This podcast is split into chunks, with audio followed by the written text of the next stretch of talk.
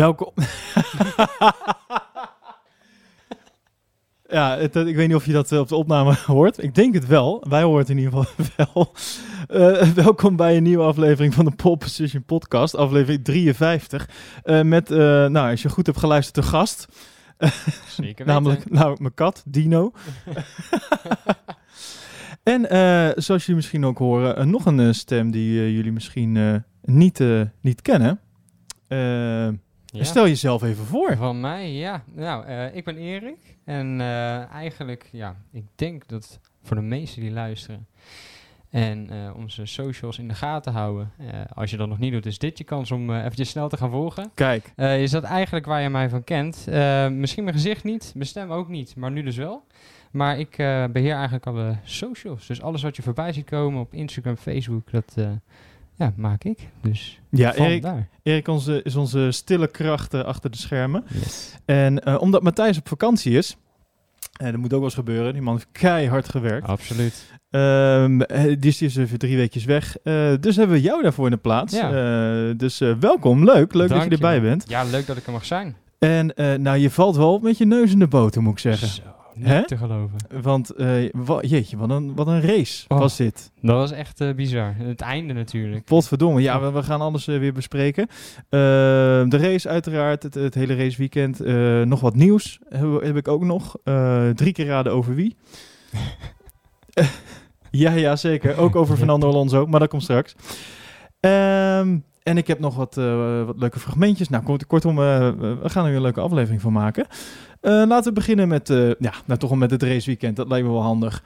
En uh, we hebben dit weekend op Silverstone gereden. Althans, we. Ik zeg we, maar daarmee bedoel ik de coureurs, de coureurs van de Formule 1.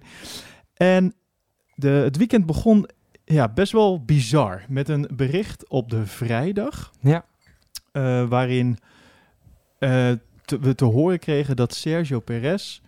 die was positief getest op corona. Ja, op COVID-19-virus. Ja. En toen was het meteen, nou ja, een soort van paniek in de tent. In ieder geval bij, uh, bij Race Point, denk ik. Want wie zou zijn plaats gaan innemen? Nou, daar werd natuurlijk heel veel over uh, gespeculeerd. Wie ja. dat dan zou zijn. Uh, de namen Esteban Gutierrez werden en Stoffel, Stoffel van, van Doornen werden genoemd. Ja. Nou, Stoffel van Doornen werd al vrij snel nou, afgeschreven... omdat hij de Formule E gaat rijden, ja, in, rijden Berlijn. in Berlijn. Dat ja. uh, gaat uh, komende woensdag en donderdag zijn. Dit wordt, ja, deze opname wordt gedaan op 2 augustus, yes. hè, direct na de race. Dus komende woensdag en donderdag is hij in Berlijn. Ja. Dus dat was geen optie. Esteban Gutierrez, ik weet niet, ik heb daar ook nog wat over gehoord dat hij iets met licenties had. Mocht hij nou uiteindelijk wel of niet rijden? Dat heb ik niet. Oeh, dat nee? weet ik eigenlijk ook niet. Maar hij heeft in ieder geval dusdanig lang niet in een echte auto gezeten dat ze bij Racing Point iets hadden van, nou, die liever niet. Nee. We trekken misschien wel even een uh, oude doos open met bekenden. Ja, en daar kwamen toch wel heel veel positieve reacties op, hè? Ja, absoluut. De Hulk. Ja. Nico Hulkenberg werd, uh, werd uh, gebeld. En die moest uh, naar, naar Engeland komen. Tja, dat uh, zou echt een voor hem zijn geweest. Niet te geloven. Dit is onze gast Dino. Ik ga even mijn kat en uh, wachten. Momentje, dames en heren. Dino? Wij gaan even ergens anders naartoe. zo. Interessante podcast zo. Ja, zeker. Nico Hulkenberg. Die werd opgeroepen en nou, die moest natuurlijk ook eerst getest worden, want die heeft ja. natuurlijk niet in die bubbel gezeten, et cetera. Dus die moest ook uh, getest worden. Uiteindelijk dus uh, niet uh, besmetten met het COVID-19-virus. Nee. Vervolgens moest het stoeltje worden aangepast, want ja, hij ging ja. in de auto van Perez rijden. Maar ja, niks is natuurlijk voor hem... Nee. Het, sterker nog, de, de banners met Sergio Perez op de, op de kleedkamers en al dat soort dingen, die stonden er gewoon nog. Precies. Er waren nog geen shirtjes, niks. Dus het moest allemaal nog even aangepast worden. Ja. Hij heeft uh, uiteindelijk dus in de fabriek, want dat is dan weer het voordeel voor Racing Point geweest, dat hun fabriek natuurlijk op, op nou, wat zal het zijn? tegenover, zit drie, tegenover de weg. Ik denk dat drie minuten lopen nog lang is. Ja. Ligt eraan waar je op het circuit staat. Ja. Maar die uh, konden dus uh, zijn stoeltje in de fabriek aanpassen. Geen nieuwe laten maken, want dat, zou, Nee. dat kostte te veel tijd en dat gaat dus niet. Had hij toch wel goed last van tijdens de eerste vrije training, hè? Ja. Beetje van zijn billen. Bij zijn bil onder andere, ja dat klopt. Dus dat hebben ze gedaan. Hij heeft nog tot twee uur s'nachts in de sim gezeten, begreep Ja. ik. Ehm, en daarna zijn, ja, begon de zaterdag met vrije training 3. Zeg ik dat goed? Of, Eh, de zaterdag begon zeker, maar de vrijdag begon die natuurlijk. of begon die de vrijdag al? Ja, Zeg- begon de- de vrijdag ja, klopt. Dus de- de- ik zei net vrijdag eh, eh, of aan het telefoontje, maar het was dus donderdag. Het was donderdag. Ja. Ja. Donderdag kwam inderdaad dat bericht naar buiten dat Perez een nieuwe test moest doen, omdat er geen duidelijk resultaat gegeven kon worden. Ja. En uiteindelijk die tweede test heeft doorslag gegeven dat die positief dus was op, op coronavirus. Ja. Ja. Heb jij zijn statement daarover nog gezien trouwens? Van Perez? Ja, Ik heb een eh, filmpje voorbij zien komen. klopt. Ja, Daar, daar legde hij uit dat hij naar zijn moeder is gevlogen. Die had een ernstig ongeluk gehad. Ja. Ehm, maar wat ik ook begreep, is dat eh, hij deed zeg maar zijn verhaaltje van, nou ja, ik ben daar geweest eh, om die reden. En ja. Nou, eigenlijk is er verder niks geks bedoeld. Ik weet niet waarom ik dit heb opgelopen, maar ik heb het. En nou. Ah, dat is een ander filmpje dan. Nee, ik had zijn statement gezien dat het goed met hem ging en eh, dat, Oh, hij, da- dat een beetje, dat het bekend was geworden. En ik had echt, dit was echt een soort van uitleg van, nou, hoe kan Ja. het dan? Oh ja, je zit toch in die bubbel, hoe kan het dan? Er waren Ja. natuurlijk heel veel vragen nu ineens. Ja. Zeker gezien eh, wat er eerder is gebeurd met Leclerc, die toch buiten zijn bubbel ging en Bottas.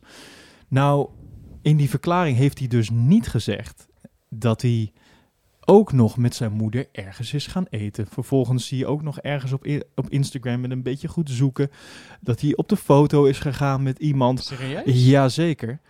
Ja. Oei, oei, oei, oei. En dat is natuurlijk niet zo best. dat is echt een hele Dat is, eh, eh, dit, eh, volgens mij kwam dit voorbij in het Formule 1 café na wat graafwerk van, van Gameren.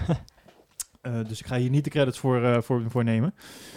Maar het is natuurlijk best wel bijzonder dat ja, het, het, niet het hele verhaal wordt verteld, nee, zeg maar. dat, dat was mij ook heel erg onbekend. Ik heb alles natuurlijk best wel in de gaten zitten houden, eh, hoe het dan zou komen. Maar eh, dat heb ik even volledig gemist, dus, Ja, thanks dus, voor de update. maar in ieder geval, nou, allemaal excited. De Hulk, yes. terug. Iedereen gunde het hem ook Ja. zo erg. Ja. Want ja, hij heeft natuurlijk een carrière gehad eh, met toch best wel veel ja. jammer momenten, net niet momenten. Eén hele grote smet. De coureur met de meeste races zonder podium. Daarom. Dus de, alle sprookjes kwamen gelijk de wereld in. Van, oh, laat hem nou alsjeblieft het podium pakken. Het is hem zo gegund. Want hij zit nu ook in een auto waarin het Juist. hè, mogelijk in een is. toch wel? Mercedes. Eigenlijk wel. Ja. Heeft hij toch nog in een Mercedes gezeten? Ja, van. Dus da- nou, dat, zo begon het weekend. Dus dat was al meteen een soort van... Jeetje, waar, waar zijn we nou in beland? Eh, Bizar. Ik, eh, ik, ik sprak iemand er ook nog over. Ik zei van, nou, ik, stiekem vind ik dit gewoon een heel leuk seizoen. Niet omdat het... Niet door de omstandigheden. eh, maar doordat het zo is op dit moment... Ja. gebeuren ineens allemaal zulke rare dingen. Ja, dat is het. Wat in een normaal, tussen haakjes normaal seizoen in principe niet, niet zo zou zijn. Nee, Dus dat, ja, dat, nou, zo begon het weekend. precies. Fantastisch. Nou, de, de toon was al gezet. eh. Ja, eh, heb jij nog eh, wat vrije trainingen meegekeken? Wat uitslagen daarvan gezien? ik heb de uitslagen heb ik wel gezien. Ik heb voor de rest een keertje niet gekeken. Dit seizoen was ik eigenlijk best wel trouw in, maar dit keer eventjes niet gelukt. Nee, nou, wat opviel in ieder geval in de eerste twee vrije trainingen, was, dat was op een dag dat het erg warm was Ja. op Silverstone. En wat er eigenlijk opviel was dat de Mercedes'en heel veel moeite hadden met, met dus die hoge temperaturen. Ja, Wat erop lijkt dat de motoren gewoon flink worden opengeschroefd. eh, maar daardoor dus ook heel heet worden. ja. Eh, waarschijnlijk heter ten opzichte van de andere eh, auto's of andere eh, teams. ja klopt. En daar hadden ze dus super veel last van. Dat ze blijkbaar niet genoeg konden koelen. En de volgende dag, eh, tijdens vrije training 3 en de kwalificatie, waren de temperaturen ineens een stuk lager. En toen zag Ja. je, toen zag je ook de, direct al in vrije training 3. Ja, toen kwamen die, de, de Mercedes ineens weer los. Ja. Weet je wel? Al- Alsof er niks aan de hand was. Zeg Om maar. over de kwalificatie nog maar te zwijgen. Maar inderdaad, het is toch gewoon een terugkerend probleem bij de Mercedes. Dat die elke keer een hogere temperatuur, dat zag je natuurlijk afgelopen jaren ook al. In eh, Oostenrijk met name. Dat, eh, ja, dat blijft toch wel een dingetje. Ja, Ja, dus ik, ja, ik had eigenlijk een beetje de hoop van... oh, dit, dit zou echt nog wel eens een keer roet in het eten kunnen Ja. gooien bij Mercedes. precies. Maar daarover later meer. Yes. De kwalificatie. Wat is jou daar een beetje het meest van opgevallen? Ja, eh, natuurlijk die spin van Latifi, die er eigenlijk al heel erg vaak, eh, vaak uit ligt. Eh, heel erg vaak van de baan af, afgaat. Volgens mij reed hij ook een aantal keer in de weg. Onder andere bij de vrije training, dat Ja. ik me even kan herinneren. Waar Max ergerde is nog een keer volgens mij aan hem. Maar dat doe ik even uit mijn hoofd hoor. Dit keer was het aan Grosjean. Dat was afgelopen twee weken was inderdaad aan Latifi. Misschien nog een Oh, keertje ja. dit weekend. Maar de grootste fit die had hij eigenlijk met Grosjean dit weekend. Wie niet? maar in ieder geval, dit, ook Latifi eh, valt op door, nou ja, hoe Ja. moet je dat zeggen? Een niet al te kundig eh, te rijden ten opzichte van andere coureurs Precies. toch in dat veld. Ik ben benieuwd of wij Latifi volgend jaar nog terug gaan zien. Ik vraag me af. Het hangt ook natuurlijk heel erg van de financiële situatie af van Williams. Want met alle respect, dat is toch wel de grootste reden, denk ik, waarom hij bij het team is gekomen. Dat is een goeie. Ehm, en dan kunnen we inderdaad zeggen, nou, misschien is dat wel heel erg goed geweest. Want anders was Williams misschien niet eens meer een team na de coronapauze. Eh, omdat het natuurlijk best wel een, een zware periode was voor alle teams. Helaas wel, ja. Maar eh, ja, eh, talent hoef je niet bij hem aan te kloppen als ik heel eerlijk ben. Hij, elke sessie ligt hij eigenlijk al naast de baan. Tot ergernis van Claire Williams, opzichtig dit keer. Ja. Ehm, dus dat, dat was niet al te best, nee. Nee. ja, en ook ten opzichte van zijn teamgenoot Ja. is hij gewoon duidelijk slechter. Ja, dan he- heeft hij ook alweer de pech dat Russell in mijn optiek echt wel een heel erg groot talent is. Ja. Maar nog steeds, hij hoort er veel, veel dichterbij te staan. Ja, dus nou ja, eh, Latifi viel in ieder geval op tijdens de kwalificatie. Eh, wie ook opviel, eh, ondanks dat de temperaturen wel in hun voordeel waren, was een, een spin van Lewis Hamilton. Ja, heel, heel zeldzaam. Een zeldzaam foutje, Absoluut. toch? Ja, Waarmee eigenlijk eh, zijn banden ook meteen eh, klaar waren. Dus die eh, heeft nog een keer nieuwe banden eronder Ja. ge- gestapt, gestampt. En toen kwam die wel ehm, eh, binnen de, de, de, de normen, zeg maar, om door Ja. te gaan naar de volgende, naar Q2 volgens mij. Ja, dit was gebeurde in Q1, hè? Nee, het gebeurde in Q2. Oh, het gebeurde in die Q2. spin. Ja, Oh, ja. Van Q2 naar Q3. In Q1 was Latifi die, die spinde. Oh ja, dat was ja. ja. Kortom, dat, dat, nou, dat viel dus onder, onder andere op. Die banden zouden later nog een probleem zijn, want eh, het, het laatste had nog volgens mij nog maar één set daarna over die niet gebruikt zou zijn Klopt. om eh, op de race mee te beginnen. Ja, deze was eigenlijk niet helemaal ingecalculeerd. Nee. eh, dat extra setje medium wat hij onder heeft gegooid. En ik, hoop eh, ik hoopte dus dat dat voor de race later dus ja, uit zou gaan maken. Dat het Ja. misschien een route in het eten zou gooien qua strategie. Maar ja, daar komen we dus nog zo op terug. yes. En dan de, de Q3. Ja. Wat, eh, wat was jou daar het meest opgevallen? Ik zit er zelf nog even terug te denken. Nou, Nou, dat enorme gat met Mercedes. Dat is niet te geloven. Nou, dat viel me niet op hoor. Dat is gewoon heel gewoon. Nee, toch blijft dat om, onwijs Ja. bizar. Eh, gewoon eh, rijden ze Max Verstappen op één seconde. Dat is echt niet, niet te geloven. Het is Ja, echt je- een hele aparte klasse. Klopt, ja. Nou ja, Ja. je, je zegt Max Verstappen. Daarmee denk ik gelijk aan Alexander Albon. Ja. Die hebben we niet eens in Q3 teruggezien. Nee, dat is echt... eh, En dat is toch wel een ding. ja, dat is Want eigenlijk ook niet de eerste keer dit seizoen. Hè, vorige, we- of, eh, vorige race in Hongarije P13. ja, Ja, en nu dan eh, P12. is niet, niet om over naar huis te schrijven. Nee, Om dat het is zo wel te zeggen. een dingetje van aandacht bij hem. En dat is wel iets waar hij echt flink aan moet werken. Want anders is hij elke keer veroordeeld tot een inhaalrace. En ja, ik ben toch wel van mening dat hij met een Red Bull... moet je toch echt wel in Q3 kunnen komen. Dat moet geen probleem zijn. De, minimaal.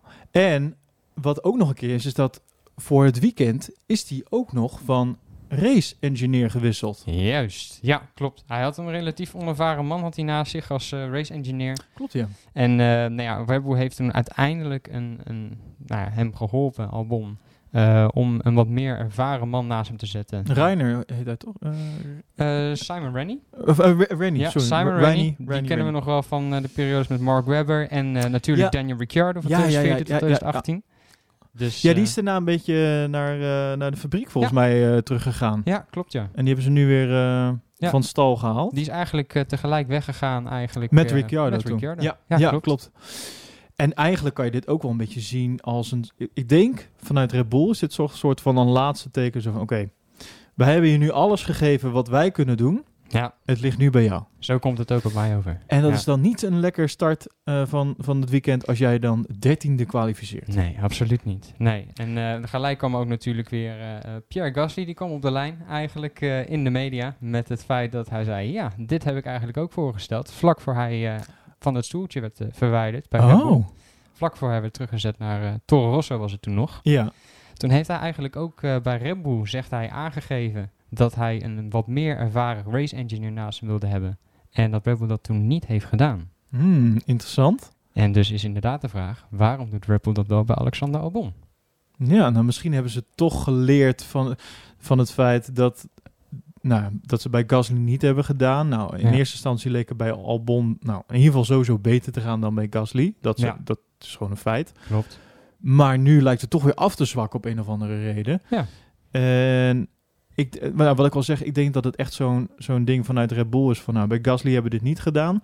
Eh, dit is misschien het enige wat wij, hè, wat we nog zouden kunnen doen. Ja, Eh, en, en misschien zijn ze het inmiddels er ook wel dan mee eens van, nou, dit zou nog een toevoeging kunnen zijn vanuit onze kant om ervoor te zorgen ja, dat hij misschien beter gaat rijden. ja precies. Maar daarmee, dit is ook wel, ik geloof wel dat dit een soort van laatste, laatste kans is. Zo Lijkt, nou, mij, lijkt mij ook. wat ik net al zei, dit is wat we kunnen doen. En als je het nu niet kan waarmaken, dan Ja. zijn we misschien genoodzaakt om verder te gaan zoeken. ja, maar dan... Sebastian Vettel. Dat is... Ja, Sebastian Vettel? Ja, eh, nou, ergens hoop ik het een beetje, maar nou, maakt niet uit. Ehm, wat, even denken. Albon, die... ehm, Oh, hier komt iets aan, Ja. mensen. Hier komt iets aan. Nee, wat er dus nu in de, in de, in de media natuurlijk heel erg kwam, is dat, ehm, ja, moet Gasly nou weer terugkomen? Ja.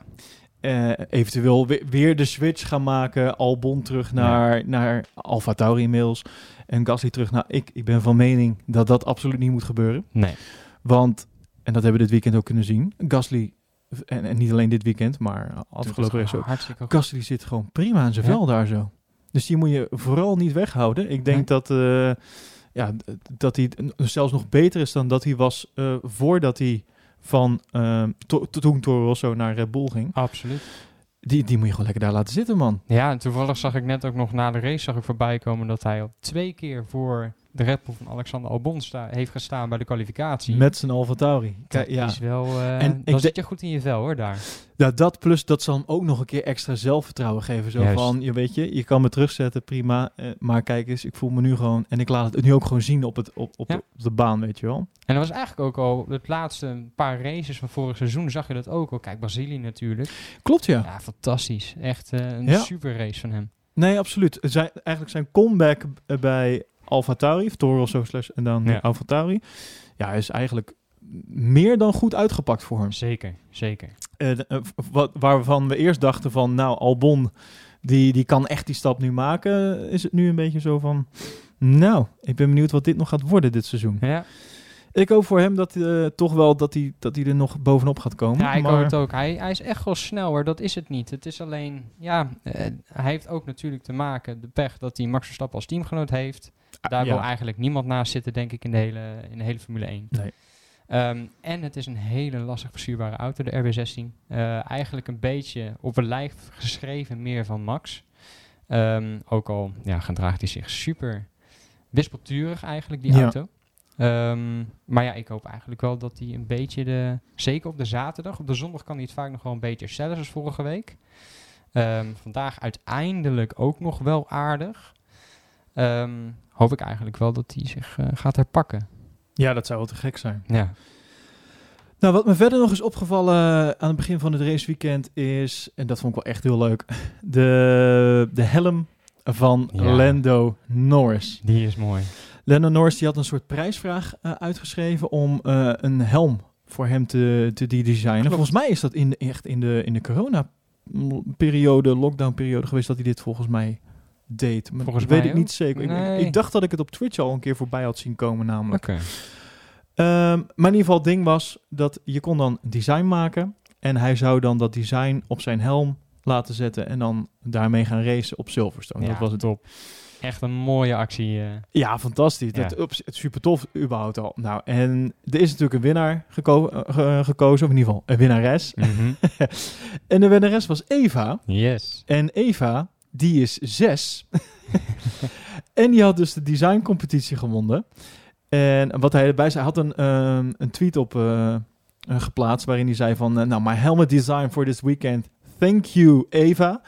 Eva, eh, Eva 6 and she created this for my design competition and I It just reminded me a lot of when I was younger, scribbling away, coming up with some cool things. It's just super original. Thanks for taking your time designing it, Eva. Nou, dan, en zie je een aantal plaatjes erbij. Ja, fantastisch. Het- kijk, het is natuurlijk, laten we eerlijk zijn, het is gewoon een helm die gewoon ondergekalkt is door een zesjarige. Ja. En we kunnen ongeveer een beetje inbeelden hoe dat eruit ziet. Eh, ze heeft zijn naam onder andere erop gezet. Alleen, ze had zeg maar Norris. Dat, eh er was geen plek meer voor de S. dus die had ze even de, de onder erbij gezet. Zulke soort dingetjes. En het grappige Nice. is dat, dat Lando had dan ook meteen in zijn Twitter-handle, zijn Twitter-gebruikersnaam of naam had hij gelijk Lando Norrie, spatie, hoofdletter S, zeg ja. maar. Ja, ja, ja, dat is mooi. En je had ook nog een, mooi, een mooie quote van zijn Ja, zeker. engineer of zo? Na de kwalificatie inderdaad, eh, na Q3 was dat, kwam zijn engineer eigenlijk op de lijn bij Lando. En eh, toen noemde hij eigenlijk de, de kwalificatievolgorde noemde hij op, de kwalificatieuitslag. oh ja? En ja. op een gegeven moment eh, zat hij dus zo, Hamilton, Bottas, Max. En op een gegeven moment, nou, Lando volgens mij P5 gecalificeerd, dus kreeg je Leclerc. En toen Lando, Norris, zo zei hij dat. Nou, dat was mooi. Alle memes werden gelijk erop losgelaten. Fantastisch. Ja, heerlijk. Ja, je het design... Ik zal het design wel even in de show notes eh, zetten. Superleuk. Ehm, dan zullen we doorgaan eh, naar de race dan maar? Ja, dat denk ik ook, ja. Komt ie. Ik ga er gewoon even een bumpertje voorbij pakken. Zo, de race. Yes.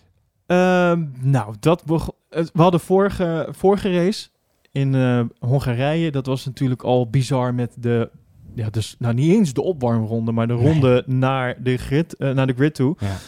waarin eh, de coureurs natuurlijk ook al wat eh, zoeken naar grip en Ja. hè, zeker omdat het toen ook nog een keer nat was. Dus dat was wel belangrijk om even te kijken hoe en wat, waar kan ik een beetje, hè, gewoon die baan aanvoelen op dat moment. Ja, klopt. En dat ging natuurlijk helemaal fout toen met Max. Ja, En wa- en Wat wonderbaarlijk genoeg weer goed kwam Ja, in 12 minuten. bizar. Ehm, toen dachten ze bij Racing Point, nou kijk of wij die 12 minuten, of wij dat ook kunnen. Dat is niet gelukt. Oh, Wa- pijnlijk. Wat, ja, dit was echt heel pijnlijk. Het verhaal. Ehm, het was zo dat we ineens was er paniek, want iedereen stond op grid, Ja. behalve Nico. Nico Hulkenberg. En dan denk je al, tenminste, dat is wat ik dacht. Oh nee, Ja. nee, nee, nee, nee. ja. Toen zag je wat shots vanuit eh, de, de garage, waarin eh, twaalf man eh, in paniek om een auto heen stonden. Vervolgens werd de, de vleugel, voorvleugel werd er afgehaald. Ja. Eh, er zou iets met de hydraulica zijn. Of wat. Ja. nou, uiteindelijk later heeft Nico Hulkenberg achter de, de, de camera bij Jack volgens mij gezegd dat het om de power unit Ja. ging en om iets van een, een, een, een slang. Een, een slang die lekte. ja. Iets wat niet gemakkelijk opgelost kon worden binnen, binnen een korte tijd. Nee, Want er zou de versnellingsbak eraf en nou, et cetera. Dat Ja. zou veel te lang duren. niet te Eh, doen. Nee, niet te doen. Eh, kortom, Nico Hulkenberg, DNS. Kortom, dit not start. Nou, dit is, dit is wel... Dit weekend is wel Nico Hulkenberg zijn carrière in een notendop. Ja, Of niet? klopt. Ik kreeg gelijk ook allemaal flashbacks aan zijn tijd bij Renault. Ploffende motoren. Elke keer een DNF terwijl hij op een goede positie ligt. Man, man, man. Dit was wel echt tekenend, ja. Ik, ik dacht dus dat Ferrari de volledige gifbeker had leeggedronken. Maar ze hebben nog een tweede beker, die hadden ze ook nog. En die hebben ze gewoon aan Nico Hulkenberg gegeven. Ja. Mijn hemel. Ja, heel pijnlijk. Ik vond het zo sneu voor die jongen. Ja, dat Echt. is het echt. Ik, ja, nou, iedereen gunde het hem zo erg. En dan Ja. Van, iedereen op de, van iedereen op de grid ook gebeurt het hem Ja. in dit weekend. Het had net zo goed. Nou, het is, hoe verzin je het? ja. Afijn. We Helaas. begonnen dus de race met, eh, met 19 eh, coureurs Ja. daardoor. En de start, die was, nou, was niet zo heel best vanuit eh, Max, vond ik. Ik weet niet hoe jij hem... eh, nee, ja goed, hij kwam prima van zijn plek af, maar op een gegeven moment uh, leek hij- alsof, ja, het leek alsof een paar wat wielspinnen hadden en wat moeilijker van hun plek afkwamen in ieder Ja, geval. klopt. En eh, vooral in, in bocht 2, toen zat hij klem achter, achter Bottas. Nou, Ja. Daar moest hij duidelijk liften. En toen kwam Leclerc, die kwam er als een, als een malle rechts voorbij. Nou, die pakt hij daarna wel goed terug. Gelijk. Ja, maar het was even, het was, hij moest wel echt eventjes alle, alle zeilen bijzetten om Ja. die start goed door te komen. Zeker, zeker. Eh, wat uiteindelijk resulteerde in dat hij eh, redelijk in, eh in niemands land de race eindigde. Althans, soort van. soort van. Komen we zo terug. Ik zal even de notities hier erbij pakken. Want we hadden best wel snel hadden we al een safety car. Ja. Namelijk in ronde 2 door een contact tussen Magnussen en Albon. Ja. Ik, heb, ik, ik ben eerst benieuwd naar jouw mening. Wat, wat vond jij? Was het incident bij Magnussen en Albon, was dat de schuld van Albon? Was het de schuld van Magnussen? Of was het gewoon een race incident en was eigenlijk niemand eh, schuldig? ja, ik ga eerder voor een race incident. Jij gaat voor een race incident. Ja, en waarom zeg ik dat? Ehm, als je duidelijk, eh, nou ja, goed, als je de replay zag, zag je dat uiteindelijk eh, de laatste chicanes, volgens mij bocht 17, ehm, neemt Magnussen de, de hoge curve neemt hij mee. Dus eigenlijk een fout, die hoor je er niet te pakken, waardoor hij best wel wat snelheid verliest en best wel wijd uitkomt. Ja. Nou, Albon die, die maakt er gebruik van, die komt dan aan de binnenkant, zit er echt naast. Ehm, gaat uiteindelijk ook nog van zijn gas of zelfs op zijn rem. Ja, klopt ja. Hij lift, of hij, hij lift lijkt het wel. Ja, en Magnus komt steeds niet meer binnen. Eh, volgens mij had hij Albon niet gezien. Maar ja, nog steeds weet je, in de eerste ronde zit iemand heel erg vlak achter je altijd. Ja. Eh, daar moet je altijd rekening mee houden. Ehm, maar ja, die had hij dus niet gezien. Komen ze tegen elkaar aan en Magnus vliegt van de baan af. Ja, eh, en het maakt een flinke klap ook. Zo. Ik denk dat hij die eh, nog wel even gaat voelen morgen. Ja. Mocht zich ook gelijk melden bij eh, Medical Center. Ja. Ehm, nou, ik, ik, ik vond zelf vond ik het de schuld van, van Magnussen. Ja. Omdat ehm, ik, als je de beelden bekijkt, vond ik dat hij veel te scherp de bocht inging. Mhm. Wat eigenlijk op dat moment niet nodig, want hij had echt nog wel de ruimte links van hem. ja. Dus hij had helemaal niet zo scherp erin gehoeven. Dus, en Albon kon gewoon echt letterlijk nergens naartoe als alleen maar de bocht nemen zoals hij deed. Klopt. Dus het, naar mijn idee was het Magnussen die zichzelf in een moeilijke positie Ja. eh, reed op Ja. dat moment. En we hebben het ook nog even in de Slack gegooid. Ja, zeker. Eh, en de- uiteindelijk kwam daaruit, we hadden de drie opties, dus eh, de schuld van Albon. Niemand heeft gestemd op de schuld van Albon. 29% had het over de schuld van Magnussen en 71% eh noemde het een race-incident. Ja. Vond ik wel interessant. Heel veel mensen vonden ook van ja, konden allebei niks aan doen. Ja. Maar wij zijn het ook allebei over eens. Albon kon daar niet veel anders doen. Nee, nee, absoluut. Nee. Daar dacht de wedstrijdleiding anders over. Ja, en helaas is dat nou net de belangrijkste persoon. eh. Want die besloten om uiteindelijk Albon 5 seconden straf te geven voor dit. ja. Ik ben heel benieuwd wat de onderbouwing is van deze straf. ja, ik ook. Want dit, naar mijn idee is dit weer een, een, een staaltje slap optreden van... eh, nou, en dit nou niet eens slap optreden, is gewoon verkeerd optreden. Ja. Ik, ik, Ik vond het snap ook echt... niet. eh, en het, het is weer, dit is naar mijn idee weer de zoveelste. Want we hadden ook al eerder in de kwalificatie, zeg ik dat goed? mhm. eh, moment met de Ferraris. Ja. Een release van, ik weet even Van niet, Leclerc. van Leclerc. Ja. Ehm, dat was gewoon een unsafe release. Dat kunnen we gewoon Ja. heel eh, duidelijk over zijn. Stroll en Ocon moesten allebei duidelijk op de rem. Zo, eh, die moesten echt vol. zo. En wat is daarmee gebeurd? Helemaal niks. Niks. Nou, dit, Ja, dit, ja, dat, het eerste wat ik dacht was, oh ja, natuurlijk, Ferrari. juist. Ja. Maar nou, dat is naar mijn idee alweer een blunder. Dit is ook, dit is ook vind ik een blunder in Ja. ieder geval. Ik ben heel benieuwd wat onze luisteraars vinden. ja. Eh, dus mocht je daar, daar ook nog over mee willen praten, dan eh, kan dat in, in onze Slack, Slack-kanaal, ook waar deze poll in staat Yes. trouwens. Slack-kanaal is een soort enorme, enorme chat, waar we nou ook tijdens de race, maar ook in de hele week ernaartoe lekker over Formule 1 praten. Dus als je daarbij wil, moet je even naar onze Instagram, popposition.nl, en daar staat de link in de bio. Ja. Klik er even op, meld je aan en dan kom je bij ons in de Slack. Juist. Ja. En, en laat er vooral even weten wat, je, wat, je, wat jouw mening er dan over is. Maar het, ik, ik dacht alweer van, oh jee, gaat het zo'n eh, ga- Ja. gaat het zo'n race worden? Met, met zulke soort... eh, ik hoop niet dat er te veel dingen gebeuren, want als er allemaal beslissingen genomen moeten worden, weet ik niet of ik ze allemaal eh, leuk ga vinden. nee. Nou, wat, ik, wat mij opviel uiteindelijk was de... Nou, de safety car kwam uit. En de- ik vond de herstart van Lewis vond ik erg slim. Ja. Dat deed hij op een, op een heel goed punt. Eh, maar Jij zei nog, het lijkt wel als Bottas, eh, of Bottas aan het slapen is. Hij had echt een enorm gat gelijk. Dat was niet normaal. Ja, dat Ja. heeft hij echt heel slim Ja. gedaan. Eh, nou, het viel ons ook nog op op dat moment dat er nog niet geklaagd werd door Lewis. Maar gelukkig maakt hij dat later helemaal weer goed. Juist. Ehm, toen was er een heel opvallend moment met Albon. Want die ging een ronde nadat de safety car naar binnen was gegaan. Ja. Ging Albon naar binnen. Ja, hele rare call eigenlijk. Misschien een korte check om te kijken of er nog iets van schade was van die touché met Magnussen. Maar, Maar- waarom ga je niet naar binnen tijdens de safety car? Ja. Eh, Dat vraag ik me ook heel erg af. Dit vond ik zo'n raar, raar moment. Ja, dat was het ook. Dat was het ook echt. Ik, eh, ik begreep het ook echt totaal niet. Dus eh, Ik heb, eh, we hebben wel wat al na de eh, show, of na de show, na de race, wat eh, eh, interviews en dingen gezien. Maar ik heb nog niks met, met Albon gezien. Ik ben heel benieuwd of daarnaar gevraagd is en, en wat nou precies de reden hiervan was. Ben ik echt heel benieuwd naar.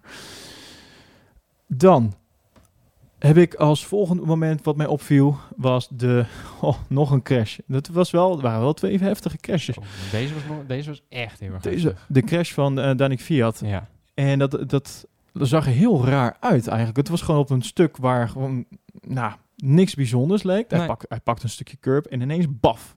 Hij, hij, spint half eh, en, da- en dan vervolgens komt hij... eh, Hij komt frontaal in de muur eigenlijk. frontaal komt hij in de muur, ja. Ja.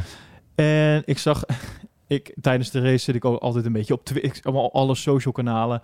En ik, ik las ergens weer dat iemand zei van ja, nou Olaf die, weet nu al dat het een lekke band is en niemand die ziet het. En, maar Olaf die weet het allemaal weer. En eh, het valt me op dat Olaf eh, niet door heel Nederland geliefd wordt. Het is een soort coronel eigenlijk, een Ja. beetje.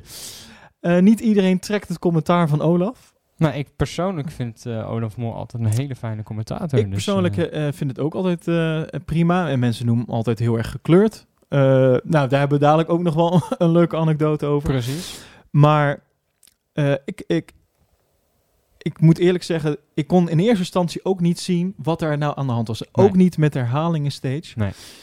Maar eh, in de, na de race, bij Ja. de bespreking bij, eh, bij Ziggo gewoon, Ja, precies.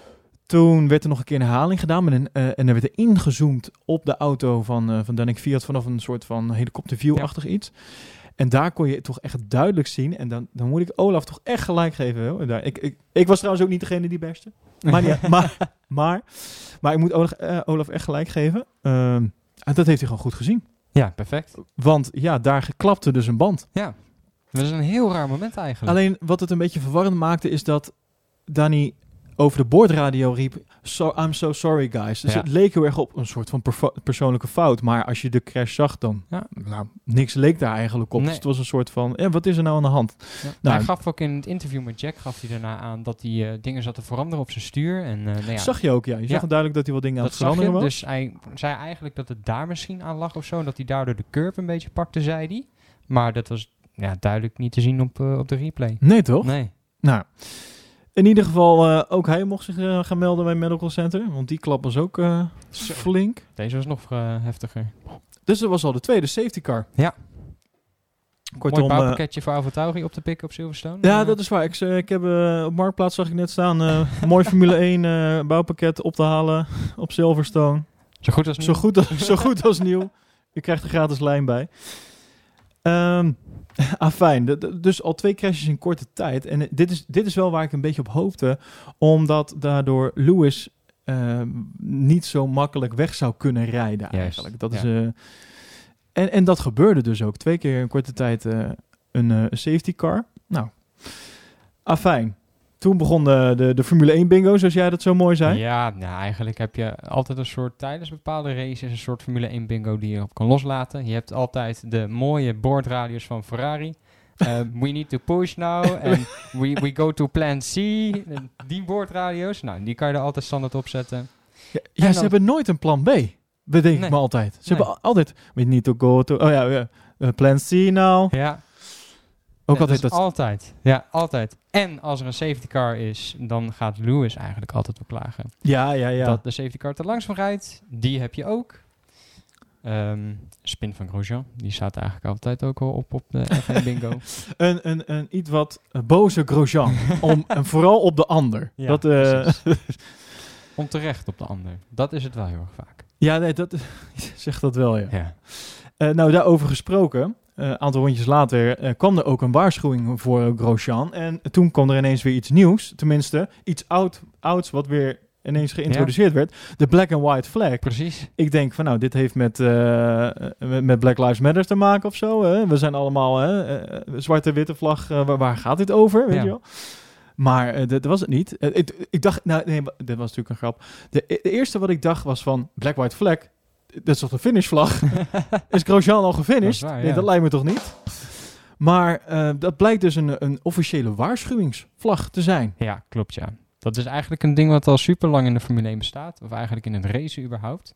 Ehm, maar dat wordt eigenlijk bijna nooit gebruikt. Nee. nou ja, Michael Masi, de wedstrijdleider, die had iets van... Nou, ik ga hem maar weer eens een keertje gebruiken. Ja, die heeft natuurlijk in die eh coronaperiode dat hele boek eh, een beetje doorgelezen. Ja. Al die reglementen. Die, daar kwam ineens die vlag tegen. Denk, Ja. wacht eens even. Die hebben we ook nog. Laten we die ook maar gebruiken. En, nou, en hij werd, eh, hij werd toch zeker gebruikt deze wedstrijd. Absoluut. Ehm, nou, daarna kwam... ehm, eh, inmiddels was bekend geworden dat Albon zijn tijdstraf had. En die had hij dan ook ingelost ehm, bij een wissel naar, naar een medium band. Dus die had hij eigenlijk tijdens de race was het al netjes opgelost. Eh, nou, op dat moment was al ehm, Max nogal in een niemandsland aan het rijden. Nogal. Toen kreeg hij op een gegeven moment de boordradio. Eh, do, eh, do you remember to drink? Do Ja, you remember to drink? Die was heel mooi. Ja, dat geeft toch wel aan hoe, hoe erg hij zich eigenlijk, hoe gek het ook klinkt, zat te vervelen tijdens die race.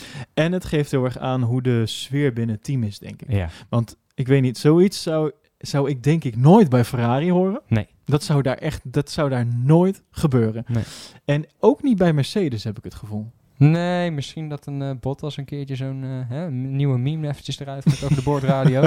maar nee, en Lewis Hamilton zou ik dat sowieso nooit Nee, hè? Nee. Nee, maar ik vind het wel, ik vind het heel, eh, ik vind het leuk als je professioneel, maar ook gewoon ook een bepaald leuk of Ja. zo eh, kan hebben en, en dat ook op een bepaalde manier kan Ja. uitstralen. Nou, Eigenlijk eh, zijn alleen Lando en Daniel eh, een beetje de andere twee van ik denk van, nou, die Precies, zouden ja. het ook best wel kunnen zeggen. Ja. Nee, absoluut. Ehm, nou, daarna kreeg ehm Giovinazzi vijf seconden aan zijn broek. Ja, Ik, eh, ik weet was even, raar. Ja, ik weet even niet meer hoe dat eh, zat. Er was iets onder de safety car was daar gebeurd. Ehm, maar dat weet ik niet helemaal precies. Het was in ieder geval tijdens de safety car heeft hij blijkbaar iets gedaan waardoor hij een 5 seconden penalty heeft gekregen. Maar Sowieso hoorde je onder andere eh, Lando die eh, ging over de boordradio een beetje klagen over bijvoorbeeld Ricciardo. Ja. Over dat hij te veel afstand nam van zijn voorganger. Ja, waardoor Lando natuurlijk ook weer moest inhouden, et cetera. Ja. Eh, allemaal om zijn banden om te warmen voor Ja. eh, Ricciardo. Precies. En we hadden natuurlijk eh, Lewis die al over de boordradio weer riep van... kan het niet allemaal wat sneller, eh? safety Ja. car needs to speed up. Terwijl er volgens mij ook iets van een regel is, blijkbaar, over vijf autolenkens achter de safety car. Ja, nou, ik kan jou verklappen, daar hoef je echt niet eh, goede ogen voor te hebben. Dat was ik, meer. ik heb meerdere dingen gezien dat hij er gewoon vlak, vlak achter zat. Gewoon, Ja. gewoon bijna in de kofferbak, bij Ook. wijze van. Maar ook dat hij wel meer dan 5 autolengtes ervan af zat. Ook, dus... ehm, maar daar wordt dan weer niks mee gedaan. Nee, maar volgens mij zijn ze daar sowieso niet mega streng op bij de FIA. Dus ik heb eigenlijk wel in meerdere races heb ik dat gezien. Van ik denk van, nou... Ja, ik, kom je een beetje bij de discussie, moeten ze nou meer of minder gaan straffen? Nou ja, ja, kijk bijvoorbeeld dat moment met Magnussen Albon, ook al vind ik dat Magnussen de schuld heeft. Ik, nou ja, weet je, Magnussen ligt er al af, dus Ja. da- die kan je... de- en al, nou, ik vond dan Albon niet schuldig, maar stel, Nee. Albon heeft ook al zijn straf gehad door, weet je wel, die Ja. heeft ook last van gehad, letterlijk. Ja, zeker. Dus als je zeg maar minder straffen zou willen uitdelen, kan je ook op zulke soort momenten, en dat is wel echt dan wel specifiek hoe het moment in elkaar zit en Ja. wie dan eh, degene zijn die daar last van hebben, maar kan je ook gewoon dingen in laten gaan, zeg maar zo van. Ja. En blijkbaar wordt dit dan zo'n zo'n safety car situatie die dan eigenlijk ook niet helemaal binnen het lijntje zit. Nee. Die wordt dan ook laten gaan en zo'n unsafe release van Ferrari, dat eh, hè, sla me neer, Ja. maar oké, blijkbaar wordt dat dus ook door de vingers Wat gezien. gewoon echt een gevaarlijke situatie was. Ja, eh, maar, maar Albon krijgt vijf seconden voor, voor iets. Nou ja, ik, Ja. ik snap het nog steeds soms echt helemaal niks Nee, het, is, eh, het lijkt nog steeds een beetje willekeur heel af en toe eh, bij de FIA. van. Ja. Ehm, nou, vervolgens zit ik... eh, oh ja, pitstopje van Haas. Die ging nog niet helemaal... ja, ja. Ging niet helemaal soepel. om Dat het kan je wel zeggen. om het. En ik denk dat we sowieso wel kunnen stellen dat Haas dit weekend gewoon niet zo heel lekker ging of zo. Nee. Maar eigenlijk heel het jaar toch al niet? nee. Eigen- ja. Eigenlijk het hele jaar niet, nee, dat Nee. klopt.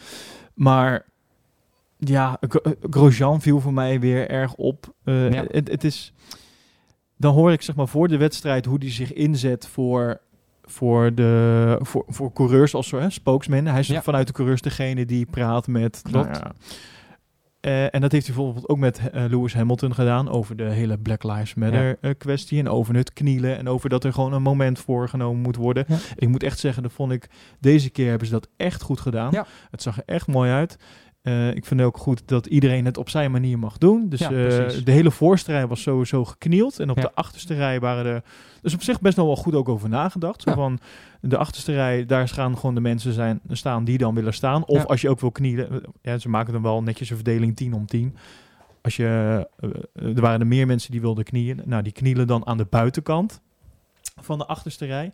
Dus ik vond het er best wel imposant en mooi uitzien. Ik vond het een mooi gebaar. Dus ik, ik vind ook, nou, ik vind het goed dat ze dit gewoon blijven doen. Er is steeds aandacht voor. Volgens mij was Lewis ook degene die heel erg voor lobbyde om dit gewoon. Hij heeft sowieso zelf al gezegd dat hij dit blijf, zal blijven Ja. doen. Ja, klopt. Maar hij streed er ook heel erg voor dat dit gewoon een onderdeel zou worden, in ieder geval voor dit seizoen, Ja. eh, bij alle races. Zeker Ja. omdat het de vorige keer in Hongarije zag, ging het een beetje heel Nee. knullig aan toe. En, Daarvoor ook met het Oostenrijkse volkslied en het Steiermarkse volkslied. En het was allemaal een beetje raar waarin ze in, in midden in dat volkslied wegliepen. En precies, ja. Het, het zag er wel voor de eerste keer echt uit als een eenheid en een georganiseerde, goede, strakke actie. Klopt, ja. Nou, in ieder geval, Grosjean is dus iemand die zich dus daar dan uiteindelijk voor inzet. Die had ook Ja. een bepaalde uitspraak gedaan die in eerst niet goed viel bij, bij Lewis. Nou, uiteindelijk hebben ze daar samen over gesproken. En nou, dit is dan uiteindelijk wat eruit is gekomen. Nou, dat, eh, dat doet hij goed. Zeker. Eh, auto's besturen. nou, ik, nou ik, ik zal eerlijk zijn, ik kan echt niet wat die man kan. Eh, Ik, voor mij is het En echt nog geen wekelijks een raadsel waarom hij nog steeds in de Formule 1 zit. Het is echt niet te geloven. Ja, nou wat ik al zeg, ik wil echt niet mezelf. eh, ik, ik kan nog niet een, een honderdste van wat Grosjean in een auto kan. Laten we eerlijk zijn. Nee, ik bedoel, maar maar het, als je vergelijkt met de rest van het veld, denk je toch echt af en toe. Now we are fucking bunch of wankers. Yeah, bunch of fucking clowns, yeah. Toch? ja, absoluut. Gunther Steiner, die wist het al. Ja.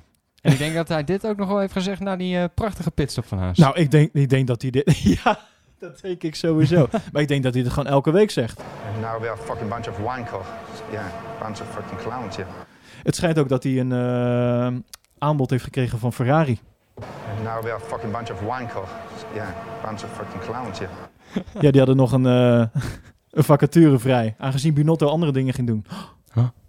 Oeh. Zullen we die gelijk even bespreken? Ja. Want voordat we de podcast gingen beginnen, eh, kregen we nog even breaking nieuws. Echt vlak ervoor. Vers van de pers. maken even een klein uitstapje, mensen. En dan gaan dan weer terug naar, eh, naar, de, naar het slot van de race. Want dat was toch wel echt Zo. spektakel. Even een klein uitstapje.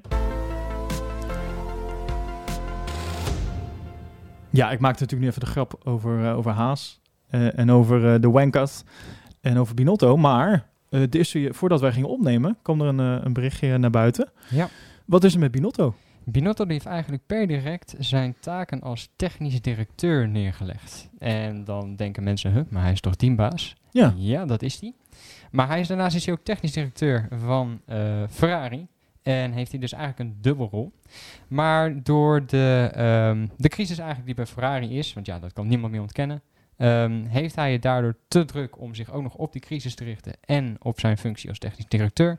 Dus heeft hij gezegd, ik leg per direct mijn functie als technisch directeur neer. Ik ga door als teambaas en proberen de crisis op te lossen. Oké, oké. Dus eh, de, eh, de- ze hadden het al van de week over herstructureringen. Zo Ja. Die waren doorgevoerd. Nou, blijkbaar is dit dus een onderdeel van die herstructurering. Ja. We hadden het toevallig tijdens de race even over. Hoe zou het toch zijn als Gunther Steiner daar toch de leiding zou hebben? ja. Wij hadden zelf een beetje, hè, als je kijkt dan naar de, de Drive to Survive afleveringen en je ziet hoe Gunther Steiner toevallig vlak voor deze opname hebben we nog even wat teruggekeken. Ja. Als je ziet hoe Gunther daar toch met de zwepers overheen gaat bij die jongens. Zo. dat is echt de man die ze daar nodig hebben hoor. Maar dat is wel, ja, nou ja, Zo'n iemand. je zou ook kunnen zeggen, nou als dat gewerkt, dan had Haas nu niet gestaan waar ze nu staan. Want het, hè, blijkbaar werkt dat dus ook niet. Nee. Maar... Aan de andere kant dan moet je misschien ook niet Grosjean en Magnussen als coureur even houden. Ja, Maar ze hadden er zo heel veel aan, zeiden ze aan het begin van het seizoen weer. Toen ze de contracten hadden verlengd. Want ze geven zoveel feedback. Nou, ik weet niet waarover. maar niet over die auto in ieder geval. Nee. Afijn. Maar ik vraag me dus heel erg af. En wij krijgen natuurlijk niet heel erg dat, die blik achter de schermen bij Ferrari. Zoals we dat bij echt Haas hebben gekregen. Ja. Ik vraag me toch heel erg af hoe het daar nou achter de schermen gaat. Of, of ik zie namelijk niet heel erg voor me dat Binotto iemand is die hier met de zweep overheen gaat. En ik weet ook niet of dat, dat daar per se werkt. Maar misschien is het juist wel het geval. Hè? We, we- we hebben geen idee. Nou, lijkt mij ook niet hoor. Ik vind hem niet de uitstraling hebben die dat, als een persoon die dat doet. Arie van Benne vond ik dat meer hebben. Juist? Ja. Ja. dat was echt eh, waar je niks bij kon flikken hoor. Nee, dat is echt. eh, nou ja. Wat duidelijk is, alles wat er nu gebeurt, dat is in ieder geval. eh, dat heeft eh, geen eh, toegevoegde waarde. En dus sterker nog, wat ook nog bizar was, dat iemand van, van Ferrari die had nog gezegd in de media. Ik weet even niet weer wie dat was. Weet je dat nog? Kun je dat opzoeken? Ja. Die had vrolijk gezegd van, nou, reken er maar eigenlijk niet op tot en met eh, 2022 eh, dat, wij, dat wij overwinningen gaan halen. Ja. Dat wij überhaupt mee gaan doen om ook maar iets. Nou, dat is, vond ik toch ook weer zo veelzeggend. Dat, ik, dat is toch niet des Ferraris om dat, eh, om dat in de media te gaan roepen. Het grote Ferrari, het, hè, de, het boegbeeld denk ik wel van, van, van de Formule 1, eh, van de autosport ja. ja, de- dit vond ik zo bizar om dat, eh, dat dan te horen. Ik denk, nou, dat is ook niet echt eh, de, PR die je wil hebben volgens mij. Ja, nee, het was eh, de, de voorzitter, de Ja. baas van, eh, van Ferrari, die heeft eigenlijk gezegd, eh, eh, John Elkan, die heeft gezegd dat eigenlijk ze, eh, de, ja, de Ferrari-fans voor 2022, dus voordat de nieuwe regels ingaan, ze eigenlijk helemaal geen overwinningen moeten verwachten. Ja, Nou. Kortom, eh, And now we are a fucking bunch of wankers. Yeah, bunch of fucking clowns, yeah. ik hoop dat ze daar snel opgelost gaan krijgen. Maar eh, zoals te horen gaat dat nog wel eventjes duren. Ja. Eh, Oké, dit was even het breaking news uitstapje. We gaan weer terug naar de race. Ja, want eh, toen kwamen, kwamen toch wel, eh, kwam de finish in zicht. En nou, het was, het was, tot die tijd was het zeker geen saaie race. eh, met, Nee. met de safety cars en alles. Maar in het midden begon het wel een beetje zo nachtkaars uit te gaan. Ja, het begon een beetje in te kakken. Ik Ja. vond de, de, de safety cars duurden ook best wel lang. We Zo. hebben best wel veel rondjes safety cars. 13, zeg ik dat Ja, goed? volgens mij wel. Ja, best wel veel safety cars dus gehad. Ja. Of tenminste, rondjes safety car. Ja. Wat ook natuurlijk de tempo uit de, uit de race haalt. Ja. Maar eh, zoals jij mooi eh, zei op, eh, op Instagram, het venijn zat hem in de staart. Waarom? En dat begon eigenlijk met... Nou, het, het was op een gegeven moment zo dat Verstappen die ging naar binnen, want het was wel duidelijk. Hij kon, Lewis kon die niet meer gaan pakken. Bottas kon die niet meer gaan... daarvoor had Bottas al een lekker band. gekregen. Oh, was het daarvoor? Oh, sorry. daarvoor. Ja, je hebt gelijk. Ja. Je hebt gelijk. Je hebt gelijk. Bottas die had een lekker band gekregen. Dat was waar. En dat gebeurde in rondje 50. Moet je nagaan hoe, hoe dicht op de finish we zitten. Ja. Eh, Bottas had een lekker band gekregen. En waardoor... eh, eh, nou, Verstappen ging er uiteindelijk gewoon aan voorbij natuurlijk. Bottas, eh, Bottas, Bottas die kreeg die lekker band echt vlak. Eigenlijk op de hoogte van de pitch kreeg Ja. hij hem. eh, Vlak na de ingang. Dus hij moest een heel rondje moest hij nog met die band... eh, voordat hij naar binnen kon en daarna weer naar buiten. Hij heeft er echt heel veel op verloren Dan is. Silverstone echt een heel lang circuit. Ja, dan wel ja. Ja. Eh, en Verstappen die eh, ging daardoor door naar de tweede plek. Ja. Maar wel met zo'n groot gat op Lewis. Dat eh, wat ze eigenlijk al, hè, al vaak hebben gedaan. Ja. Dan, eh, dan gaan ze gewoon weer naar binnen om voor, eh, voor nieuwe softbanden. en dan probeer nog even die, die, die snelste raceronde Ja. neer te zetten. Heb je in ieder geval een puntje. Precies, ja. Ik moet eerlijk zeggen, ik zei tegen jou, het is natuurlijk heel makkelijk om dit achteraf te zeggen. Maar ik zei tegen jou, op het moment dat Bottas zijn band klapte, was het eerste wat ik dacht, oh, maar dadelijk gaat die van Lewis ook.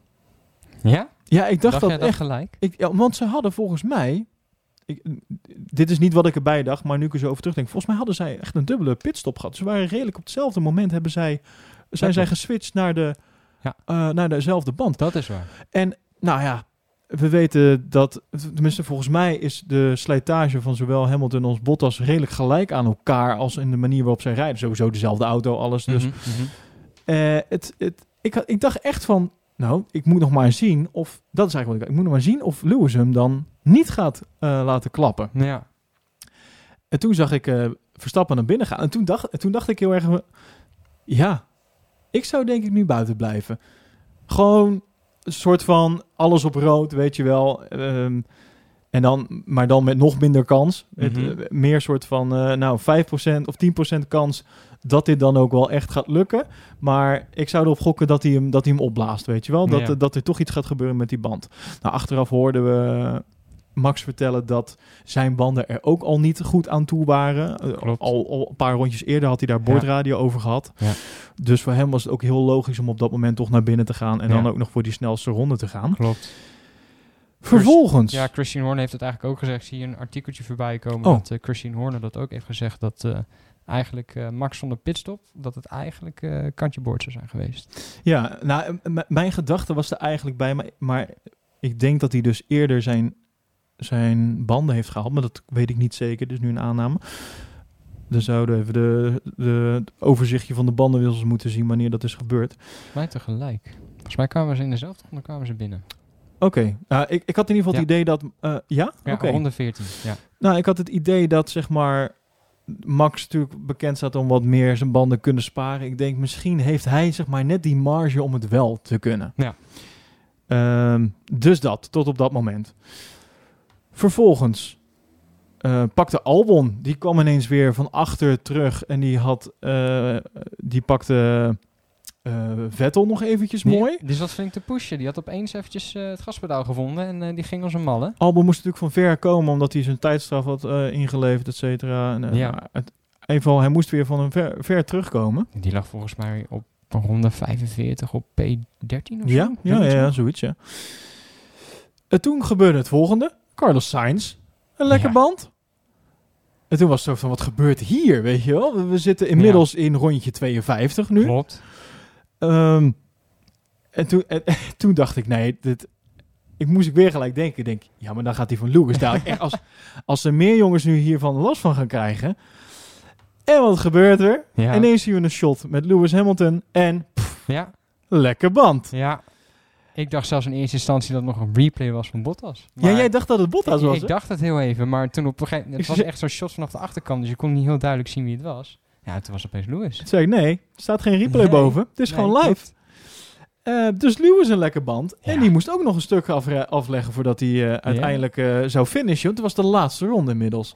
Hij had wel een stuk meer geluk dan Bottas, zeg, daarmee. Want hij zat namelijk al... einde sector 2 zat hij al bijna. Ja, klopt ja. Hij had niet veel eerder zijn Nee. band moeten laten klappen. Nee. Want dan was er wel echt, eh, dan had hij het niet gehaald. En nu was het dus van, gaat Max het nu nog halen? Gaat Max Ja. het halen? Wat kan hij dit nog, eh, kan, kan hij dit nog bewerkstelligen? Max die riep het op een gegeven moment ook nog op de boordradio van, ik, ik, is het nog mogelijk? Kan ik hem pakken? Nou, uiteindelijk was het eh, verschil was te groot. Het was 5,8 seconden uit mijn Ja, hoofd. heb je helemaal goed. Ik Ja? heb hem hier staan. Ja, ik, weet, zeker. ik weet niet heel veel mensen, maar soms let ik wel eens op. 5,8 seconden heeft hij, kwam hij uiteindelijk achter Lewis. Ja, en dan komt natuurlijk alles los van... Ja, maar had hij dan wel... Had Wat niet moeten stoppen. En, eh, en ik moet zeggen, mijn hersenspinsel was echt was meer een soort van... Nou, 1%, 1% kans dat het kan. Maar ik zou, ik zou het er gewoon op gokken. Beetje Ja. zoiets, weet je wel. Wat is het ergste dat er kan gebeuren? Toen had ik zelf nog niet nagedacht over het feit dat misschien je eigen band ook zou kunnen Precies, klappen. Dus misschien had ik het dan toch ook niet gedaan. Eh, uiteindelijk hebben ze dus voor gekozen om, eh, om, om wel te pitten en voor Ja. die snelste ronde te gaan. Ik denk dat je anders, als het nieuw was gebeurd, dat je dan de vragen had gekregen van... Ja, waarom is Max niet naar binnen gegaan voor een nieuw setje rood? Omdat hij toch zo ver achter ligt op Lewis. Ja, En dan voor die snelste raceronde gaan. Dus het werkt een beetje beide kanten op. Het is gewoon... Achteraf is het wel... nou, maar die zou je nog wel kunnen verklaren door te zeggen... nadat Bottas een lekker band had, wilden wij gewoon erop gokken dat dat bij Lewis ook zou gaan gebeuren. Ja, dat kan ook En, wel. en, Ja. en dit is wel een geval, als het dan gebeurt, dan ben je de man. En Ja. als het niet gebeurt, dan ben je de grote loser. Ja. En, en nu, ze zijn, dit is wel, ze zijn wel gewoon echt van hun eigen strategie verder uitgegaan. Mhm. Van dit is wat er nu op de auto is. Eh, ook maar onze banden zijn eraan toe om eh, te Ja. vervangen te worden. En eerste gaan we toch niet worden. We hebben al een cadeautje door tweede te worden. Mhm. Doordat Bottas natuurlijk was eh, afgevallen. Ja. Dus ja, het was echt de meest logische keuze die ze hadden kunnen Ja. doen. En de meest verstandige keuze, denk En ik. gewoon nog uiteindelijk. mega veel geluk voor Lewis. Ja, ja, dat... Oh man, die man heeft wel ook een... Die heeft een engeltje op zijn schouder hoor. die heeft ook wel een portie Zo. geluk bij zich af en toe, hè? Laten we Oh, eerlijk zijn. nou, af en toe. Heel vaak. Niet normaal. Als er iemand eh, veel geluk heeft op de grid, is hij het wel. Ja, jij vindt je... ja, vind ik wel. Nou, hij is natuurlijk is hij ook verschrikkelijk goed, maar Maar het zeggen, laten we niet, eh, eh, nou, laten we niet aan voorbij gaan dat hij ook gewoon echt rete goed is. hij is echt supergoed. Echt eh, onwijs veel respect voor hem, maar hij heeft toch een paar situaties ook af en toe van denk van, goh, daar komt je eigenlijk wel onwijs goed uit nu. Ja, ja, ja, ja, dat is absoluut Ja. waar. Ja, dus dat was, dat was het, eh, het raceweekend. Eh, Jij, jij vertelde mij aan het begin van de race dat jij... eh, ik weet niet wanneer heb je dat gedaan? De vorige race? Dat jij jouw Nee, bloeddruk had gemeten? Dat was de allereerste race van het seizoen. Nou ja, dan, dan heb je dus al dat een paar maanden geen race meer is geweest. Ja. Ja, en ik ben gewoon best wel een intense Formule 1 fan. Ik, ik beleef het gewoon echt, echt heel erg. Ja, je- mensen zouden jou voor de grappers bij de start moeten zien. Nou, dat willen ze niet. Maar wat heb jij gedaan? Ja, ik zit dan inderdaad gewoon de klossende oksels zit ik dan op een gegeven moment voor die start. En op een gegeven moment voelde ik mijn hart helemaal ja, knij te snel gaan. Dus ik had zoiets van, nou, laat ik eens voor de grap een keertje mijn bloeddruk opmeten, zo vlak voor de start. Nou, die was, eh, die was niet leuk. die was iets van 150 over, eh, over nog wat. eh, dus dat, dat, dat sloeg echt helemaal nergens op. Biz- Bizar. Ja, dus dat geeft wel aan hoe erg ik eh, met Formule 1 meeleef. Ja, nee, dat, dat, is hartstikke gaaf. Ik moest gelijk denken van, nou, dit wil ik, dit wil ik eigenlijk ook even een keertje gaan testen. Ja, misschien ook even met mijn hartslagmetertje gelijk erbij. Want dat, dat had jij ook gedaan, maar dat, was, Ja. dat viel wel mee. ja dat was voor mijn doen was het hoog, maar voor normaal mensen is het. Oh, nog te doen. Wel aan de hoge kant, maar te doen. Maar in ieder geval, de- het grootste verschil was bij jou merkbaar in, in de bloeddruk. Niet normaal. Dus het lijkt me heel leuk om eh, de mensen die luisteren, eh, om, dat, om dat ook gewoon een keer als testje te doen. Ja. Bij de volgende race. Om dan gewoon eh, even een bloeddrukmetertje erop tijdens die start. Kijken hoe intens je dat nou allemaal beleeft. Even kijken wat het nou met je doet. Ja, dat is wel heel tof. En dan moet je hem eigenlijk diezelfde meting even een, weet ik veel, een dag ervoor of zo gewoon een keer. Even gewoon een normale meting Ja. in normale omstandigheid. Ja, zodat je even kijkt wat een beetje je- normaal voor je juist, is. dat je even kan kijken van eh, wat is het verschil. Precies. Eh, en om dat dan, eh, als je dat leuk vindt, om even te delen bij ons in de Slack bijvoorbeeld. Of bij ons Ja. op, op, op Instagram, Ja. Zeker. En in de Slack, de link in de bio van de Instagram account. Mhm. Lijkt me leuk. Ik ga het echt even een keer doen. Ik, Ja, ben, ja, ja. ik ben heel benieuwd. Ik zal het volgende keer wel even delen. Lachen. Ehm, ja. Dan eh, hebben we nog wat ander nieuws. Eh, Zullen we dat even gaan, eh, gaan bespreken? Zeker, En ik, heb, ja. ik heb nog wat andere, andere Ja. notities gemaakt hier zo. Ja. Ehm, waar, waar wil je mee beginnen? Ja. Wil je beginnen met een Spaanse, niet de na te nader noemen Spaanse coureur die misschien terugkomt in de Formule 1? Wie, oh, wie zou dat zijn? Of wil jij met een ander bericht beginnen? Nou, laten we maar met die eh, Spaanse coureur beginnen. Dan hebben we dat gelijk achter de rug. ja, gaan we dat doen? Ja, ja, ja. Ja, we hebben het natuurlijk over eh, niemand minder dan Fernando Alonso. Ik moet echt een jingle laten maken voor die man. Misschien dat hij hem zelf nog wel wil inspreken. Zou leuk zijn. Ja. Want Fernando Alonso die heeft zijn eh, visum voor de Verenigde Staten binnen. En daardoor kan hij dus over, dus nu over drie weken volgens mij, meedoen aan de, aan de Indy 500. Nou, Ja, de man zit niet stil. nee, zeker niet. Dus eh, die eh, had dat volgens mij... eh, volgens mij was het Zack Brown die hier eigenlijk een uitspraak over had gedaan in Silverstone. Die werd geïnterviewd en waarschijnlijk kwam het weer op Alonso. En, en die, zei, Ja. dus die zei dus dat alles was geregeld. En dat hij dus kon rijden op de Indy 500. Nou, top voor hem. Ja, hij zei volgens mij het kostte nog wel tijd om alle forma- formaliteiten af te handelen. Maar Fernando heeft nu alles wat hij nodig heeft.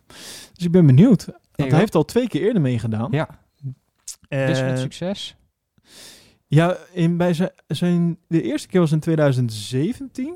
Ja, toen had hij eh, de, de grote prijs van Monaco had hij, eh, geskipt. Was Jensen Button zijn, eh, zijn invaller toen. Ja, en hij reed toen echt best wel lang op kop. Ja, En hij viel toen uiteindelijk uit vanwege motorproblemen. klopt. En vorig jaar was hij volgens mij niet eens verder gekomen dan de kwalificatie. Klopt, want toen had hij een keertje een klapper gemaakt. Denk ik, in, Ja, in dat- de trainingen volgens mij. Een best wel flinke crash, dacht ik. Oké. En Ja, dat, dat hij daardoor tijdens de kwalificatie een beetje... eh, Maar dat weet ik niet 100% zeker meer. Dus eh, mochten mensen dat eh, weten, laat het ons weten. Hij gaat in ieder geval komend, dus over drie weken gaat hij dus rijden voor Arrow McLaren SP. Kijk. Dus Ben dat, ik, nou, dit bewijst toch weer mijn statement dat ik elke keer iets over Fernando Alonso kan vinden wat gewoon nieuw is. het is eigenlijk ook een beetje, ik heb natuurlijk dat statement gemaakt met grote woorden, maar, maar ja, Het is maak het daar maar waar.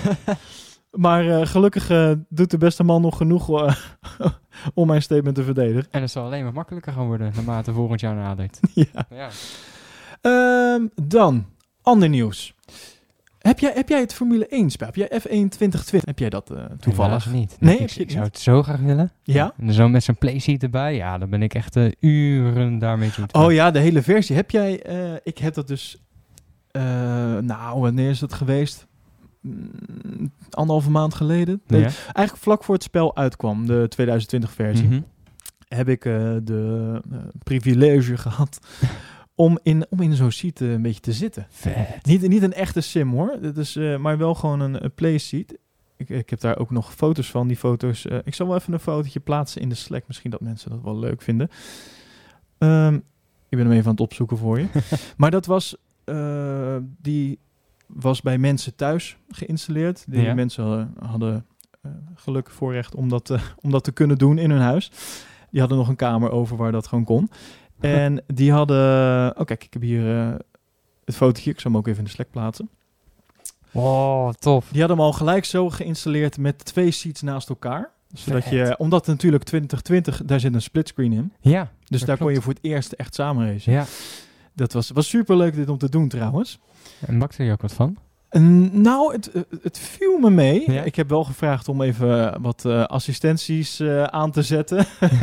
Want eh, ik, ja, ik heb zelf het spel wel gespeeld op de PlayStation, maar dan zit je met een controle in je hand. Ja, Dat is toch even een ander verhaal. dat is heel anders. Dus, eh, maar het, het ging me redelijk goed af. Eh, ik heb onder andere op Spa gereden. Dat, eh, dat was toch wel wat moeilijker uiteindelijk dan ik dacht. Een klassieker pakje. Ja, ja lekker toch? Ja. Maar eh, dat was super leuk. En de, de makers van, eh, van het spel die hebben dus nu een eh, update doorgevoerd. Om eh, de, de livery. Kijk, ze maken natuurlijk het begin van het seizoen. maken ze al, al, die, al die liveries maken ze voor die nieuwe auto's. Ja. Maken ze helemaal na. En op een gegeven moment heb je een soort van het basisspel. En dat komt uit. Nou, tegenwoordig kun, Ja. kun je heel makkelijk updates doen van een spel. En dat dan weer kan je dan downloaden. Dan heb Ja. je weer extra functies of dingen die ze hebben veranderd of gewijzigd. En ze hebben dus nu de, de zwarte livery van Mercedes hebben ze toegevoegd. Want die was er nog niet. Oh, top. Want Mercedes heeft natuurlijk eh, best wel kort voor de start van het seizoen hebben ze dat eh, aangepast of in ieder geval naar buiten gebracht dat het Ja. een zwarte livery natuurlijk zou zijn. Klopt, ja. Dus, eh, dus die is nou toegevoegd. En jij zei ook van, ik weet niet of ze dat gaan doen, maar bijvoorbeeld wat ook interessant is, is dat er natuurlijk nu allemaal andere circuits Ja, worden toegevoegd aan dit. Het is natuurlijk een heel raar seizoen op dit. mo- het dit lijkt een moment. beetje Codemasters pesten dit seizoen. eh, met elke keer nieuwe dingetjes die tevoorschijn komen. Nou, Maar- precies, ja. ja nou, het is misschien terwijl gelijk een, eh, een mooi bruggetje naar, eh, naar het volgende. Ja. Namelijk de nieuwe circuits De die zijn toegevoegd circuits. voor, eh, voor, eh, voor dit seizoen. Ja, Voor dit rare seizoen, mensen. een heel raar seizoen. Ja, absoluut. Nee, we hebben natuurlijk de, de eh, Nürburgring wat er is aan toegevoegd. Imola en even kijken, Portugal race ook nog. Ja, Portimao. Portimao, Ja. dankjewel. Ja. Ja, die zijn dus toegevoegd. Eh, heb jij ook al toevallig de, de data voor je wanneer die eh, worden gereden? Ik moest in ieder geval gelijk eraan denken dat, dat Codemasters dus allemaal... Ik vraag me af of ze dit dus nu allemaal door gaan voeren. Ja, Of ik, denk, ik denk dat een circuit toch wat te moeilijk is. Een, Dat- livery, een livery aanpassen kan best wel, maar een circuit eh, helemaal, dat is wel... Wat ik eh, begreep is dat er echt gewoon, bijvoorbeeld voor Zandvoort, dus er wordt echt op die baan, wordt er helemaal met, met nou, software en weet ik veel hoe ze dat precies doen. Dat zal vast Ja. wel iets, eh, ik ben wel benieuwd naar, wel eens opzoeken op YouTube, staat vast wel een filmpje online, hoe ze dat helemaal uitmeten en doen, zodat ze Ja. het uiteindelijk kunnen digitaliseren, zeg maar. Ja, dat is denk ik voor eh, circuits die nu worden toegevoegd misschien iets, iets wat lastig om dat nu nog even te gaan doen. ja, klopt. Dus eh, het F1 2020 is in dat opzicht een vrij uniek spel. Inderdaad, ja. Allemaal circuits waar eigenlijk nauwelijks op is geraced. eh. Ja. nee, om terug te komen op je vraag. We gaan op de Nürburgring gaan we eh, vanaf 11 oktober gaan we racen. Eh, Portimao staat voor 25 oktober. En dan heb ik het natuurlijk over de vrijdag waarop het begint. Ja. En Imola op 1 november. En dat is dan de zaterdag, want dat wordt een tweedaags evenement. Oh? En dat komt zeer waarschijnlijk, dat hebben wij vernomen van eh, een van onze eh, Slack-leden, dat dat zeer waarschijnlijk komt door logistieke redenen. Dus niks spannends. eh, Oh, ze redden het gewoon niet, want het staat gelijk voor een week daarna. eh, staat het ingepland naar Portimao, dat, we dan, eh, dat het eigenlijk onmogelijk is om zo snel in Italië terecht te komen. Oké, oké. Ehm, ja.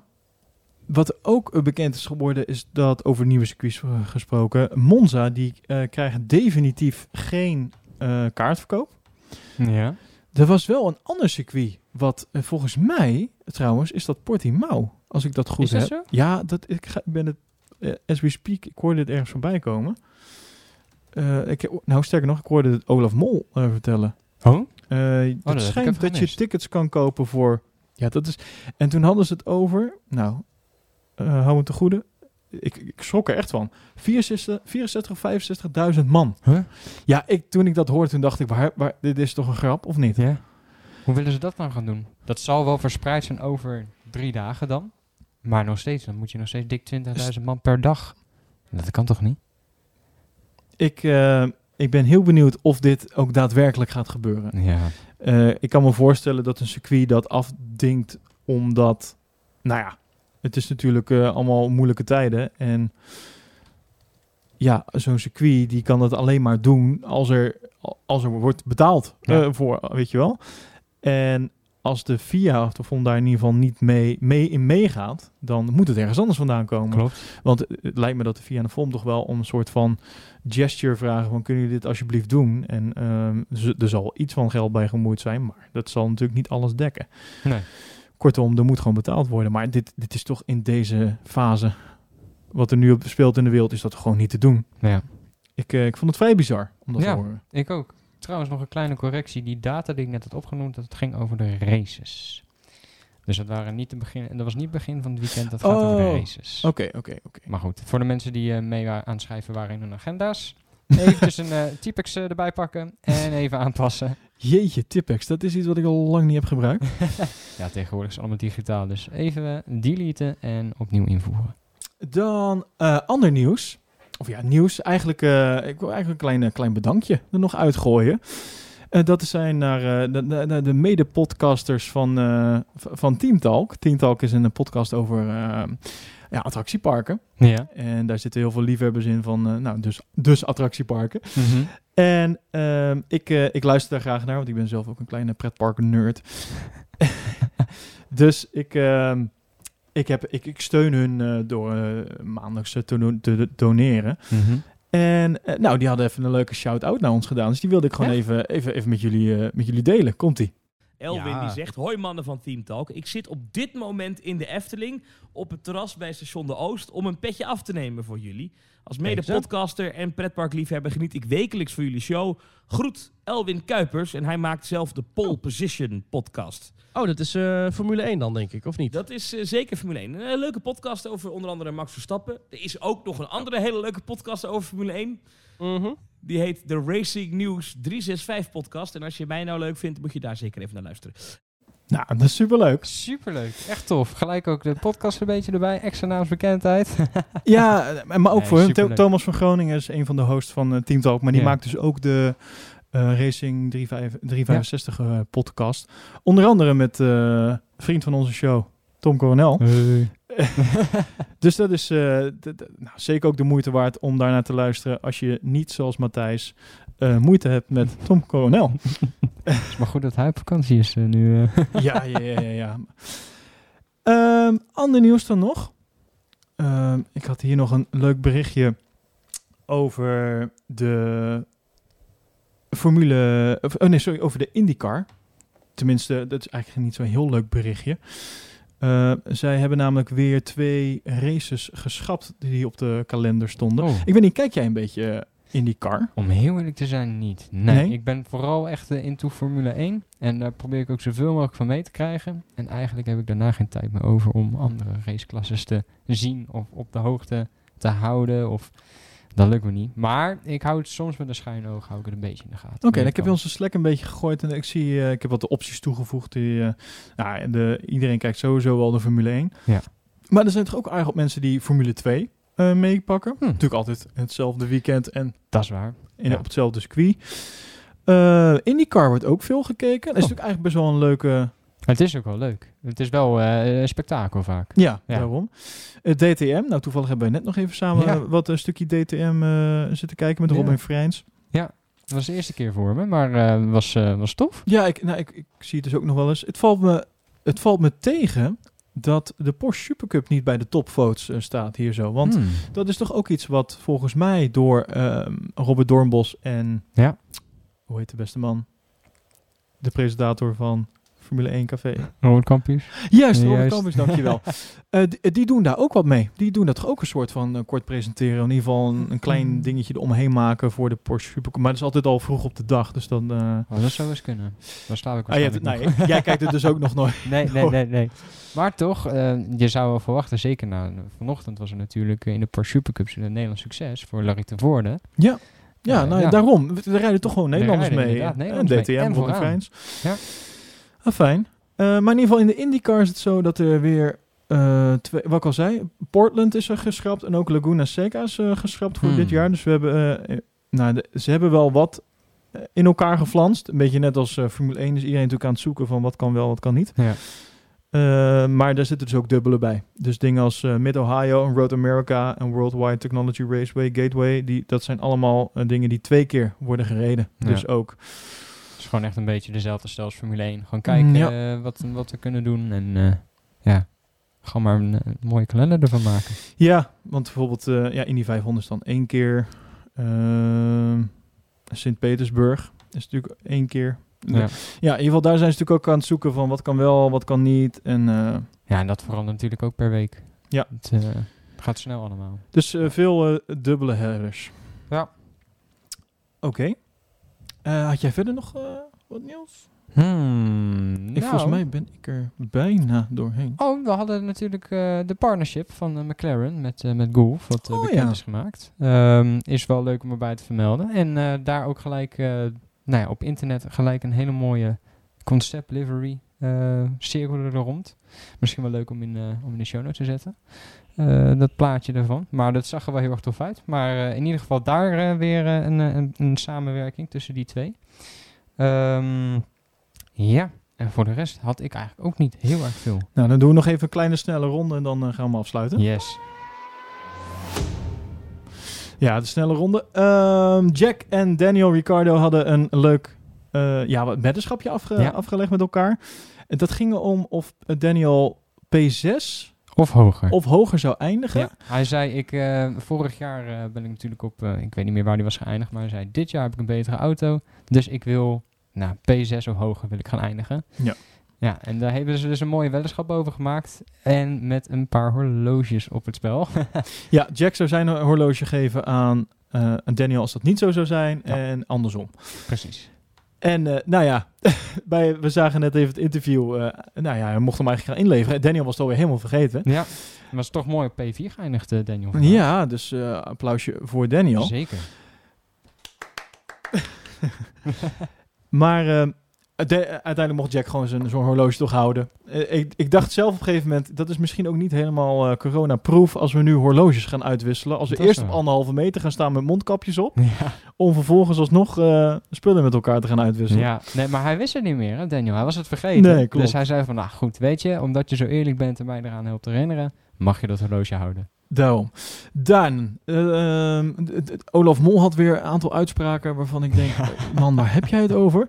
Eh, iemand die deed wat met twee vingers in de Duitse neus. twee vingers in de Duitse neus, mensen. En ehm, dit, dit was toch wel een klassieker. Eh, het zal hem aan zijn stokbrood oxideren.